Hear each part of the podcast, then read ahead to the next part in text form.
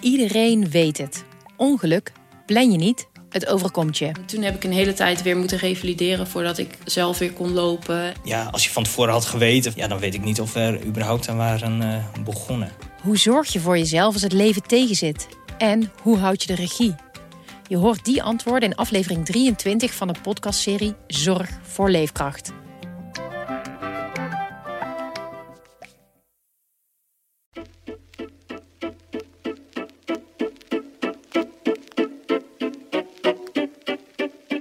Welkom bij Haags Half Uurtje, de politieke podcast van Trouw. Mijn naam is Christophe Smit. We gaan het hebben over de nieuwe pensioenwet. Klinkt dat al saai en ver van mijn bed? Ik dacht het niet. Iedereen, jong en oud, zal er vroeg of laat mee te maken krijgen en de veranderingen waarover ze in Den Haag praten zijn enorm. Dat geldt ook voor de bedragen die ermee zijn gemoeid. 1500 miljard euro, dat is zo'n beetje anderhalf keer de omvang van de hele Nederlandse economie. De komende weken komt de ondraaglijke politieke spanning over de pensioenhervorming tot een climax. Ik praat daarover met mijn collega Esther Lammers, die dit onderwerp al een tijdje volgt vanuit de Haagse redactie. Esther, van harte welkom. Hallo. Hoi Esther. Ehm, het idee is eigenlijk dat we eerst even proberen uit te leggen uh, waar die hervorming nou precies om draait. Uh, en vervolgens praten we nog even door over de politieke spanning die er nu al een tijdje uh, omheen hangt. Maar laten we even helemaal aan het begin beginnen. De Nederlandse pensioenstelsel. Uh, ik hoor en lees overal dat dat internationaal ontzettend hoog wordt aangeslagen. Een van de beste pensioenstelsels ter wereld. Kun je misschien eerst even kort omschrijven uh, waarom dat zo is? Omdat het iedereen 50 jaar lang enorme zekerheid gaf dat, we, dat ze een goed pensioen kregen. En de kosten waren laag, omdat we het solidair, jong en oud met elkaar opbrachten. Het kon niet goedkoper dan een pensioen in Nederland opbouwen. En de uitkering was, is eigenlijk hoger dan de meeste andere landen om ons heen.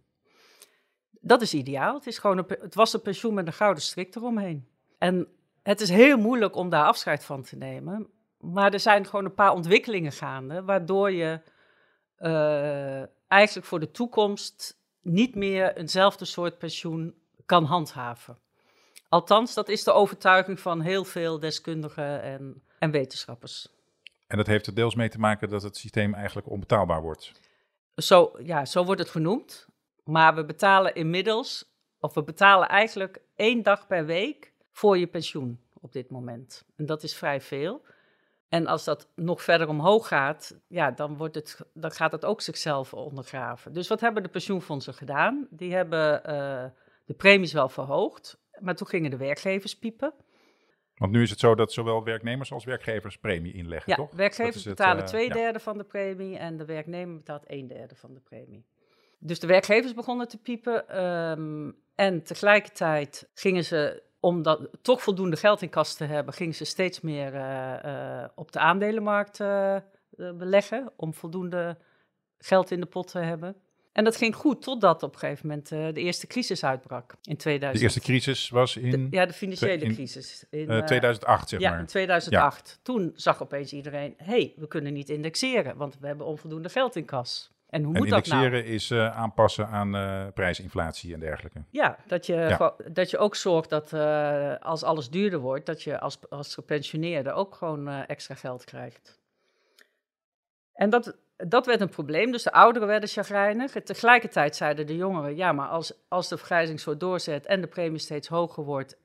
en jullie gaan wel indexeren. dan hebben wij straks misschien helemaal geen pensioen meer. Wie garandeert ons jongeren dat we straks nog pensioen hebben? Ja, ja, ja, dat was een probleem. Dus er zijn allerlei uh, stappen gezet al de afgelopen jaren. om, om daar uh, iets aan te doen. Maar uiteindelijk vond de vorige minister van Sociale Zaken. die vond toch nog te weinig. En die heeft Wie was dat ook alweer? Koolmees, D66. En die zei, we moeten toch een heel ander stelsel krijgen. We moeten meer garantie geven aan jongeren dat zij uh, ook echt pensioen uh, straks voor zichzelf opbouwen. Dat houdt ook de solidariteit tussen jong en oud uh, eigenlijk in stand. Want als je iets betaalt waarvan je zelf denkt, ik krijg het niet, dan, dan Oké, over die uh, veranderingen gaan we het straks uitgebreid hebben. Maar laten we eerst eventjes een paar stapjes terugzetten. En uh, laat ik de vraag stellen, wat uh, gebeurt er nu eigenlijk als je gepensioneerd wordt? Wat krijg je dan? Ja, dat hangt steeds per pensioenfonds af. Want die hebben heel grote vrijheid om zelf regelingen te maken. Maar we komen van een systeem waarbij je dus een 70% van het laatste salaris aan pensioen uitgekeerd krijgt. Dat hebben ze de laatste jaren al gewijzigd. Het huidige pensioen gaat uit van 70% van het gemiddelde loon wat je in je leven hebt verdiend. En dat is best riant, want daar hou je dus uh, belastingtechnisch 80% van je laatste loon zo'n beetje van over. Dus daar kan je best goed van leven. Dus de, de gepensioneerden in Nederland hebben het best goed. Alleen het probleem was dat uh, ook de rente is natuurlijk de laatste twaalf jaar uh, enorm laag geweest, tot zelfs nul. Waardoor volgens de regels van de pensioenwet ze de gepensioneerden ook niet mochten indexeren. Dus zij zijn eigenlijk twaalf jaar lang in de min gegaan. Dus dat, qua koopkracht. Qua koopkracht. Dus dat leverde wat chagrijn nog bij de ouderen. En tegelijkertijd uh, zullen zij zich ook moeten realiseren dat als ze dat alleen voor gepensioneerden doen, dat dan de mensen die nu sparen ook tekort komen. Want die bouwen dan minder op. Dus je moet, het gaat altijd om een verdeling van die middelen. De, de onvrede was dus breed, begrijp ik, van, van jong tot oud en van werkgever tot werknemer. En van jong iets minder dominant, want jongeren zijn nog niet heel erg bezig met pensioen. Die weten er eigenlijk niks van en denken het zal mijn tijd wel duren. Maar je moet ook voorkomen dat, dat het evenwicht verstoord raakt, omdat, je, omdat er straks veel meer ouderen zijn dan jongeren. En die krijgen dus de macht. Dus er is ook een zaak om tijdig wat te veranderen. En dat gaf dus de noodzaak een paar jaar geleden uh, aan een breed overleg uh, tussen alle betrokken partijen. Uh, en dat heeft een pensioenakkoord opgeleverd. Kun je daar iets meer over vertellen? Ja, dat was een akkoord wat met een aantal politieke partijen, vakbonden werk en werkgeversorganisatie is afgesloten. En waarin ze met elkaar hebben gezegd: we willen een zo goed mogelijk pensioen realiseren wat ook toch met de prijzen af en toe mee kan gaan. Wat ook geïndexeerd kan worden. Dus wat niet uh, in 20 jaar opeens uh, omlaag kukelt. Dat betekent wel dat je ook moet accepteren dat in een bepaald jaar het pensioen niet geïndexeerd wordt, dan wel omlaag kan. Dus we gaan iets meer risico in het pensioenstelsel brengen. Maar de andere kant van het verhaal is, ja, als je nu 12 jaar helemaal geen indexatie krijgt, is ook niet heel uh, safe meer. Dan loopt het systeem gewoon dood. Ja, dan loopt het ook vast. En wie, wie waren verder nog betrokken bij dat uh, akkoord? Waren ook eigenlijk, ja, de ook hele, de, de hele de PvdA was er bijvoorbeeld bij betrokken. Ook de PvdA was erbij betrokken en 50PLUS was erbij betrokken. Uh, en jongere organisaties en oudere organisaties. Het was best heel breed. Dus ze waren heel trots. Ze hadden een heel breed gedragen akkoord gesloten. Ze wilden eerder perspectief bieden op een koopkrachtig pensioen. En ze wilden ook dat het stelsel overzichtelijker werd en, en meer persoonlijk, meer passend bij de, bij, bij, uh, bij de personen die daarvoor sparen. En het derde doel was eigenlijk dat een pensioen moet ook aansluiten bij uh, de huidige arbeidsmarkt omdat we nu niet meer 40 jaar bij dezelfde werkgever uh, aan het werk zijn, maar steeds een beetje hoppen. Steeds, steeds meer mensen hoppen van de ene werking naar de andere, van zelfstandige naar in dienst en dan weer zelfstandige. En daar is dit stelsel niet op gebouwd. Dit was echt op de, op de werknemer, die kwam uh, op zijn uh, twintigste in dienst en ging op zijn uh, 65ste met pensioen. Ja, nou, er zijn weinig mensen die dat zo volhouden, zo'n carrière, toch? We zijn inderdaad veel meer aan het jobhoppen en... ja, dus dat zijn allemaal goede argumenten. Dat zijn allemaal goede ja. argumenten. Dus daar, daar kon ook niemand tegen zijn.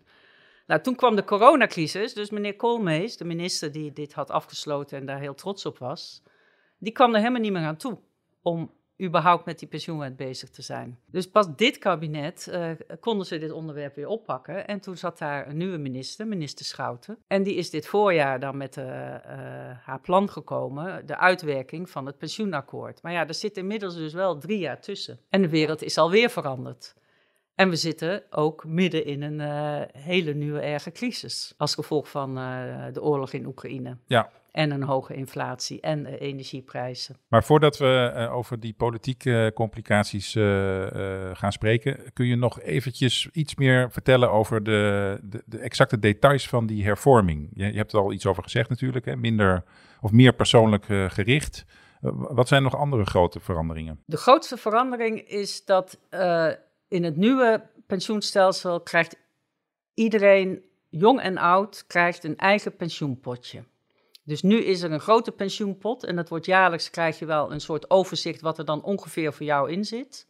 Maar straks is het echt, dit heb jij opgebouwd en dit heb je ervoor betaald. Dus dat geeft jou meer grip op dat jij als 25-jarige ook echt wat gaat opbouwen. Maar we krijgen nu toch ook al elk jaar zo'n soort persoonlijk overzicht? Wat, je- wat, is, je wat is het krijgt verschil? Ook, je krijgt dus ook de, eh, te zien wat het pensioen is gestegen. Dus als het beleggingsresultaat goed is, dan zie je ook wat het pensioen is gestegen. En als het beleggingsresultaat slecht is, zie je ook dat het omlaag gaat. Dus je, je wordt meer betrokken, als het goed loopt, bij, bij de opbouw van je pensioen. Zoals je ook elk jaar kijkt naar, neem ik aan tenminste, naar je spaarrekening of naar je eigen beleggings... eh, Oké, ehm, en wat, wat verandert er nog meer? de grootste verandering eigenlijk is dat in het nieuwe stelsel er geen glasharde belofte meer wordt gedaan hoe hoog je pensioen aan het eind eh, zal zijn. Dus er wordt ingelegd en er wordt gehoopt dat, je, dat daar heel veel rendement op komt. Maar in die end is het afhankelijk van hoe, de, ja, hoe, het, hoe het gaat in- met de economie en op de markten, of je pensioen voldoende eh, is opgebouwd. En dat betekent dat iedereen moet accepteren, accepteren dat er meer risico wordt gelopen. En dat is best eng. Ja, want je moet dus eigenlijk heel veel geluk hebben dat je in een economische hoogtijperiode zit op het moment dat je met pensioen gaat. Zeg ik het zo goed? Nou, zo dramatiseer je, want eh, ze hebben, eh, volgens de deskundigen is natuurlijk de grootste kans dat het allemaal goed gaat en dat je ongeveer evenveel aan het eind hebt als nu. Maar dat gaat van allemaal aannames uit en daar zitten andere mensen weer eh, gaten in te schieten. Maar het idee is, eh, we- de belofte die er 50 jaar was van eh, een gegarandeerd pensioen, die wordt losgelaten. En wat verandert er nog meer? Heb je nog meer details kunnen ontdekken? Of grote dingen? De wijze waarop de premie wordt geheven wordt ook anders. Er wordt afhankelijk van je leeftijd premie geheven. Nu is het voor iedereen evenveel. En straks wordt het afhankelijk van de leeftijd. Eh, hè, zal dat worden aangepast, waardoor jongeren iets meer gaan betalen en ouderen iets minder. Omdat als je jong bent kan je, kan je nog veel opbouwen en als je oud bent kan dat niet meer zo. En ehm, het grote voordeel van het nieuwe pensioen zien ze ook dat, dat ehm, die indexatie, die werd gekoppeld keihard aan de rente. En die rente is natuurlijk extreem laag, waardoor, Geweest. waardoor je een hele gekke situatie had dat de pensioenfondsen wel heel veel aandeel, aandeelresultaten op de markt behaalden. Maar volgens, de- volgens de rekenrente die, die er gehanteerd werd, mochten ze niet indexeren. En dat voelde heel gek, want je ziet hele grote potten geld, maar je mag het niet uitkeren. En eh, dat wordt meer logischer, want je begrijpt als, als, als het economisch slechter gaat, ja, dan, dat, je pensioen ook iets moet inleveren. En als het economisch goed gaat, verwacht je dat je pensioen ook wat krijgt. En dat was de afgelopen jaren niet zo. Het is zeg maar iets helderder voor de mensen te verklaren. Nou, het is natuurlijk technisch ontzettend ingewikkeld. Ik kan me zo voorstellen dat er eh, luisteraars zijn in bepaalde leeftijdsgroepen, ik noem maar wat, eh, tussen 40 en 45 of, of tussen 25 en 30, die zich afvragen, hoe ziet mijn pensioen er straks uit? Is het überhaupt mogelijk om dat, om dat nu te kunnen inschatten, Esther? Nee, dat is niet mogelijk. Helaas, helaas. Eh, de- dat heeft met een paar dingen te maken. Dat, dat heeft ermee te maken dat eh, je echt niet vooruit kan kijken. Dit stelsel gaat officieel in in 2026.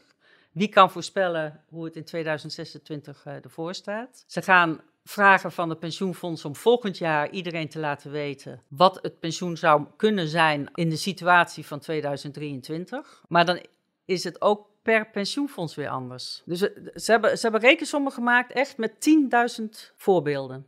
En het zou kunnen dat die alle 10.000 niet, eh, Het niet zou ook nog steeds kunnen dat alle Oké. 10.000 niet kunnen. Dat, dat, is het, eh, dat is het ingewikkelde. Je- eh, je kan niet voorspellen wat de rente is. Je kan niet voorspellen wat de inflatie is. Je kan niet voorspellen wat de energieprijs gaat doen. Je kan niet voorspellen of we in de crisis komen of juist niet. Daar proberen ze allemaal voorspellingen op te doen, maar het blijven wel voorspellingen. En garanties uit het verleden zijn ook weer geen garanties voor de toekomst. En wat betekent het voor mensen die zeg maar al een flink deel van hun eh, carrière in het oude systeem hebben gezeten en die straks overgaan naar het nieuwe systeem? Is, is, is dat ja, nog ze hebben, ook nog een ze hebben ook nog een hele systematiek opgebouwd, eh, wat ze invaren noemen. Dat is een heel spannende term. Dat, eh, hoe, ga je, hoe stap je over naar het nieuwe systeem? En daarvan is, grosso modo wordt daarvan gezegd dat daar de generatie van vijf, die, die al 20 jaar hebben opgebouwd, 20, 25 jaar, ja, die hebben al aardig wat opgebouwd. Jongeren hebben heel weinig opgebouwd. Dus er zal iets geschoven worden met de opbouwrechten van de ouderen ten opzichte van de jongeren. Dat was, e- dat was ook een beetje eng, want daarvan zeiden de, zei, zei de politiek ook maar hoeveel wordt er dan geschoven? Wat, wat, wat betekent dat dan? Ja, toen bleek daar niet voldoende over nagedacht. En toen, is er wel snel in de wet gekomen eh, afgelopen maand uh, dat er maximaal 5% uh, pensioen op achteruit gegaan kan worden. Voor de mensen vanaf 45, zeg maar, die een deel van hun pensioen, opgebouwde pensioen, verschuiven naar de jongeren. Dus die garantie hebben we, dat we niet meer dan 5% uh, erop achteruit, achteruit kunnen gaan. Ja. ja. Um, nou is dit, um, dit jaar uh, in Politiek Den Haag opeens ook een heel heet onderwerp geworden. Want toen minister Carola Schouten dit oppakte, toen dacht iedereen nog begin dit jaar van nou, die uh, pensioenwet die komt wel eventjes door de Tweede Kamer. Maar zo is het niet helemaal gegaan. Hoe komt dat? Ja, ik denk dat ook, ook het momentum. Dus ik had, ik had het er net al even over. Ja, we zijn drie jaar later. We hebben twee jaar corona gehad. Uh, er zit een ander kabinet. De stemming in het land is anders er is heel veel onzeker. En dan ga je het land uh, vertellen dat we ook ons pensioen nog verder onzeker maken. Dat voelt voor heel veel groepen ongemakkelijk. Nou, en toen kwam daar een nieuwe minister, die is er heel hard mee aan de gang gegaan. Die bleek uh, ook een vrij nieuw ambtenarenteam te hebben. Want de ambtenaren van de oude minister die zijn ook vertrokken. En die kwamen met een wet uh, die, die vrij ja, waar heel veel gaten, onduidelijkheden nog in zaten. Dus de Kamerleden die zich er een beetje in verdiepten, die, die, die, ja, die schrokken daar wel van. Maar wat is dan eigenlijk de reden dat er toch met enige haast uh, is gehandeld? Want als je zou zeggen, als je ziet dat er zoveel gaten in zitten, dan zou je zeggen, nou laat nog maar even liggen die wet. Nou, omdat een onderdeel van het pensioenakkoord was dat er eindelijk vooruitlopend op deze nieuwe wet ook een mogelijkheid zou worden gegeven om te indexeren. Dus het, zeg maar, het taartje wat gegeven werd aan pensioenfondsen was: als jullie al toezeggen dat jullie overstappen op, straks op, een nieuwe, op, op het nieuwe stelsel, dan mogen jullie vanaf 22 al gaan indexeren volgens de nieuwe regels. Dus die druk om al naar het nieuwe stelsel te werken was vrij groot. Want die, zou, die is al twee keer nu uitgesteld. Ze, hebben, tijd, ze hebben gewoon een paar jaar de tijd nodig om alles uh, om te zetten. Dus er is druk aan alle kanten. En, en de coalitiepartijen dachten, nou, we hebben met uh, de PvdA en een breed maatschappelijk draagvlak, we hebben hier gewoon al de steun voor. En toen kwamen er allemaal bezwaren. En toen waren er allemaal gaten in uh, die nog aangepast moesten worden. Een Kamerlid als uh, Pieter Omzicht, die heeft zijn lief en leed er bijna ingegooid. En in, tot ja. in detail allemaal, allemaal punten opgezomd. Hij zegt, ik weet nog ik weet nog steeds niet, zegt hij, wat is nou het doel wat is van, een, van een pensioen? Hè, welke pensioenhoogte streven we naar? Hoe lang moet een pensioen duren? Wat zijn, wat zijn de rechten wat zijn de, wat zijn, en wat zijn de risico's? Gewoon de basisdiscussie is eigenlijk nog niet gevoerd en we zitten al in, in, een, in een technische uitwerking. En uh, met heel veel onzekerheden, hè? Over, uh, als je het hebt over economische uh, mee- of tegenwind in de komende jaren. Volgens mij had Omtzigt daar op een gegeven moment een mooi, mooie beeldspraak voor tijdens een debat. Heb jij die nog ja. eens bij de hand? Hij noemde dat het, het is alsof je gaat zeilen en alleen maar met weersverwachtingen van 2, 3 en 4 windkracht. En je zet het grootzeil op maar het gaat stormen met windkracht 11. En dan breekt de mast af, scheurt je zeil en met een beetje pech zinkt je boot. Dat is wat we hier gedaan hebben. We hebben alleen maar voorspellingen gemaakt op basis van windkracht 2, 3 en 4. Nou, daar reageerde de VVD, uh, de VVD is snel op van, nou, ik, heb, ik zit nog liever in, in het nieuwe bootje dan in het oude bootje met windkracht 11.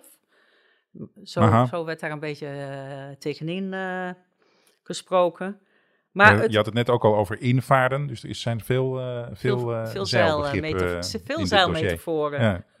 maar het geeft, het geeft aan dat het, dat het allemaal, dat, dat uh, de Kamerleden ook een beetje, zeker van de oppositie, die, die vinden het heel ongemakkelijk waar ze nu in, in zitten. Eigenlijk en is, is dat ongemak is, ook een beetje omdat ze gewoon echt niet precies kunnen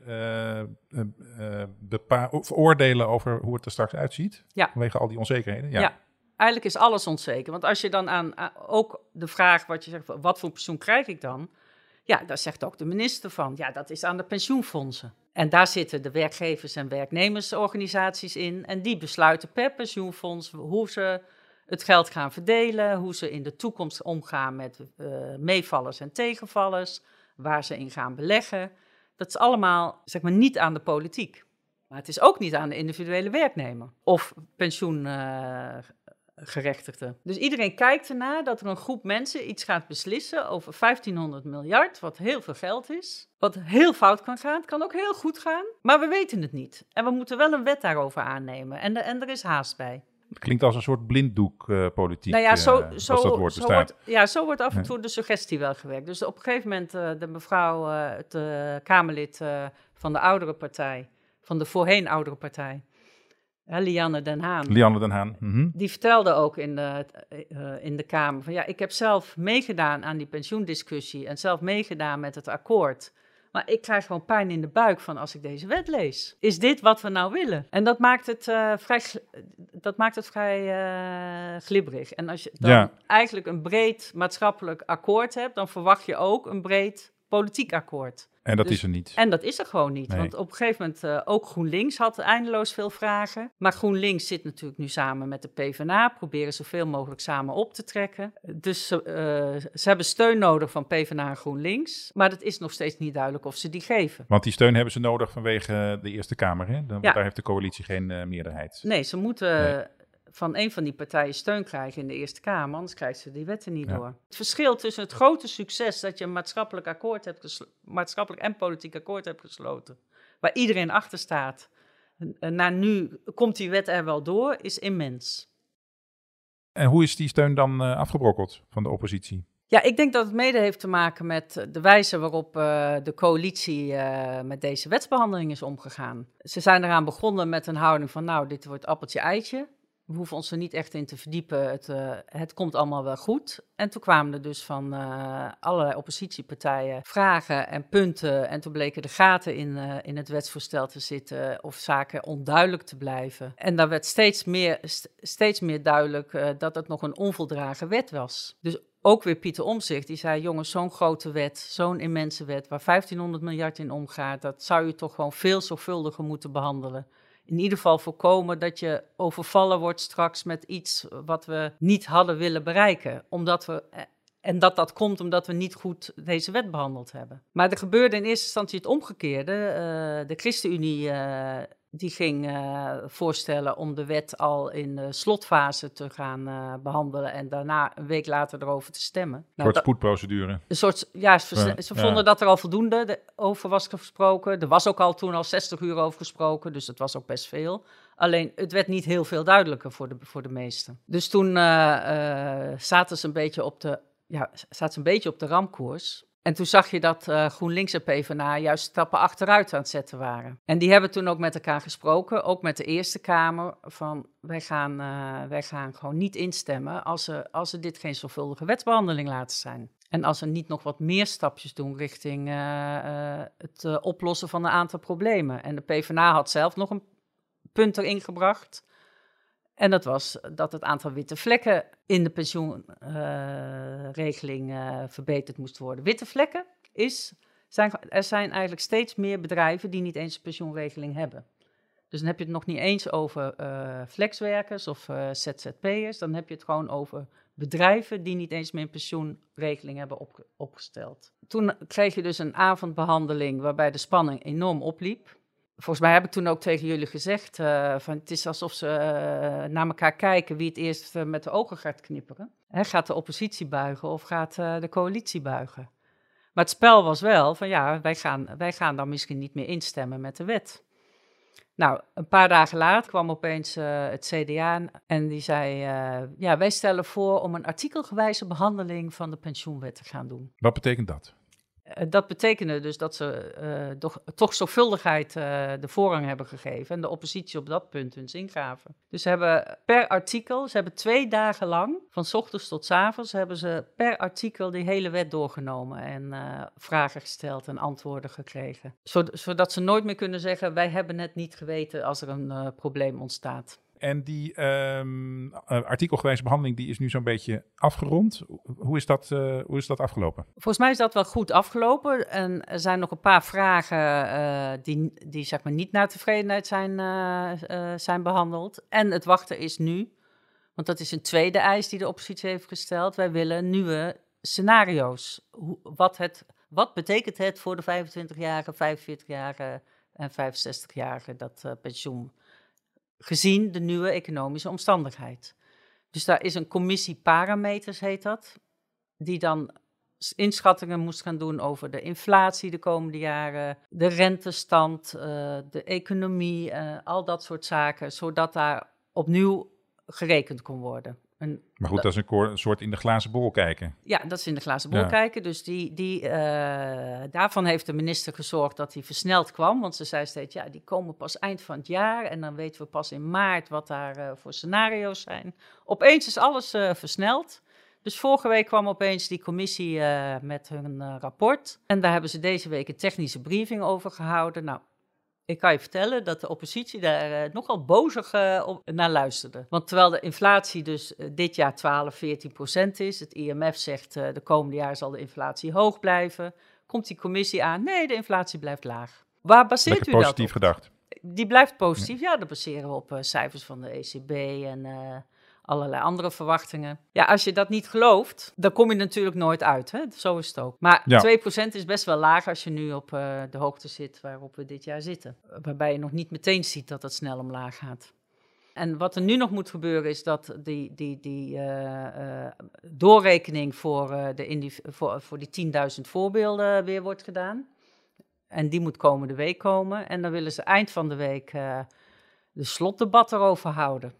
Nou, maar is dat eigenlijk alleen maar omdat ze het gewoon voor de kerstvakantie er, er, nog doorheen willen jagen? Ja, heel graag willen ze dat. En dan, want dan, daarna komt het nog in de Eerste Kamer. Nou, dan begint het spel weer opnieuw. En ze willen het heel graag voordat er een nieuwe Eerste Kamer komt. Want er zijn verkiezingen komend jaar. Ja. En dan komt er een nieuwe Eerste Kamer in mei. En dan weet je niet of ze überhaupt het er nog doorkrijgen.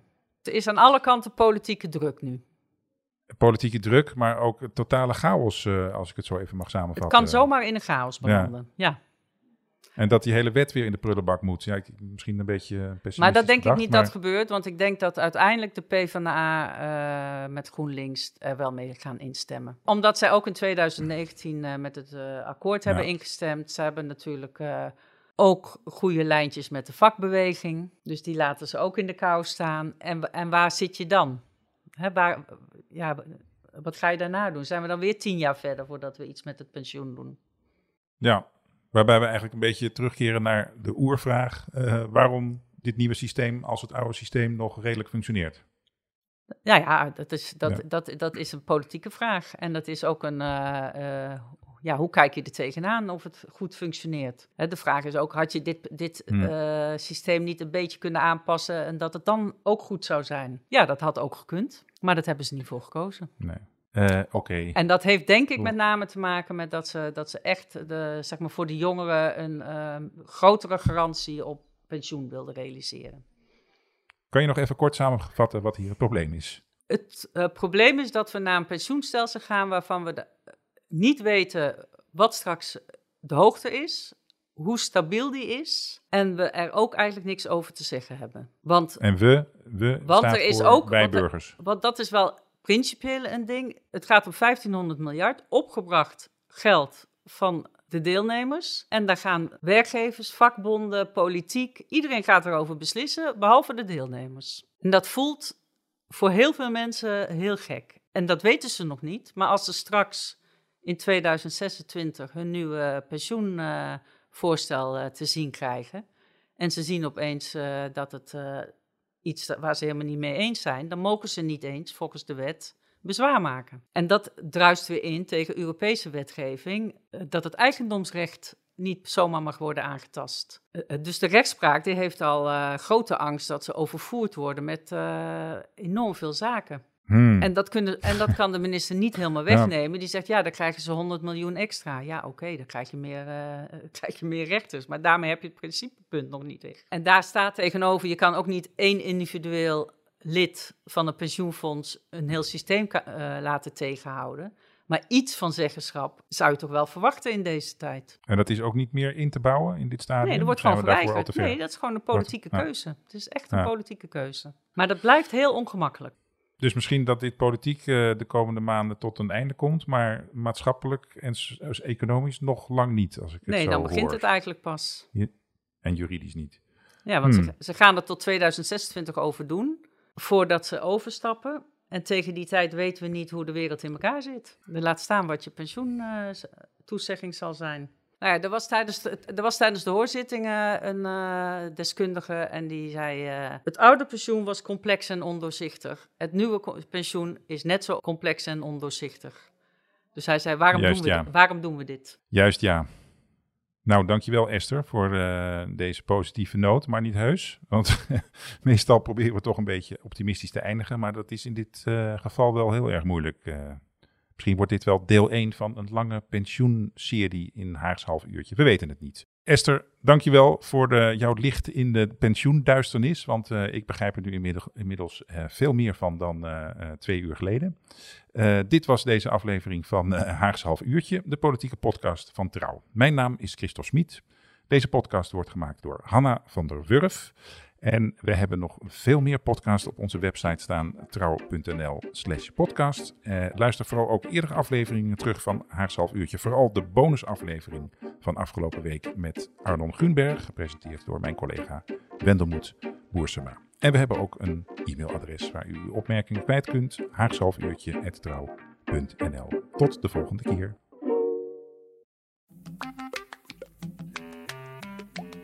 Iedereen weet het.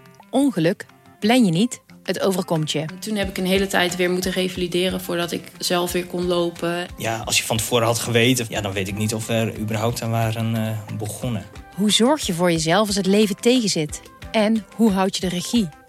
Je hoort die antwoorden in aflevering 23 van de podcastserie Zorg voor Leefkracht.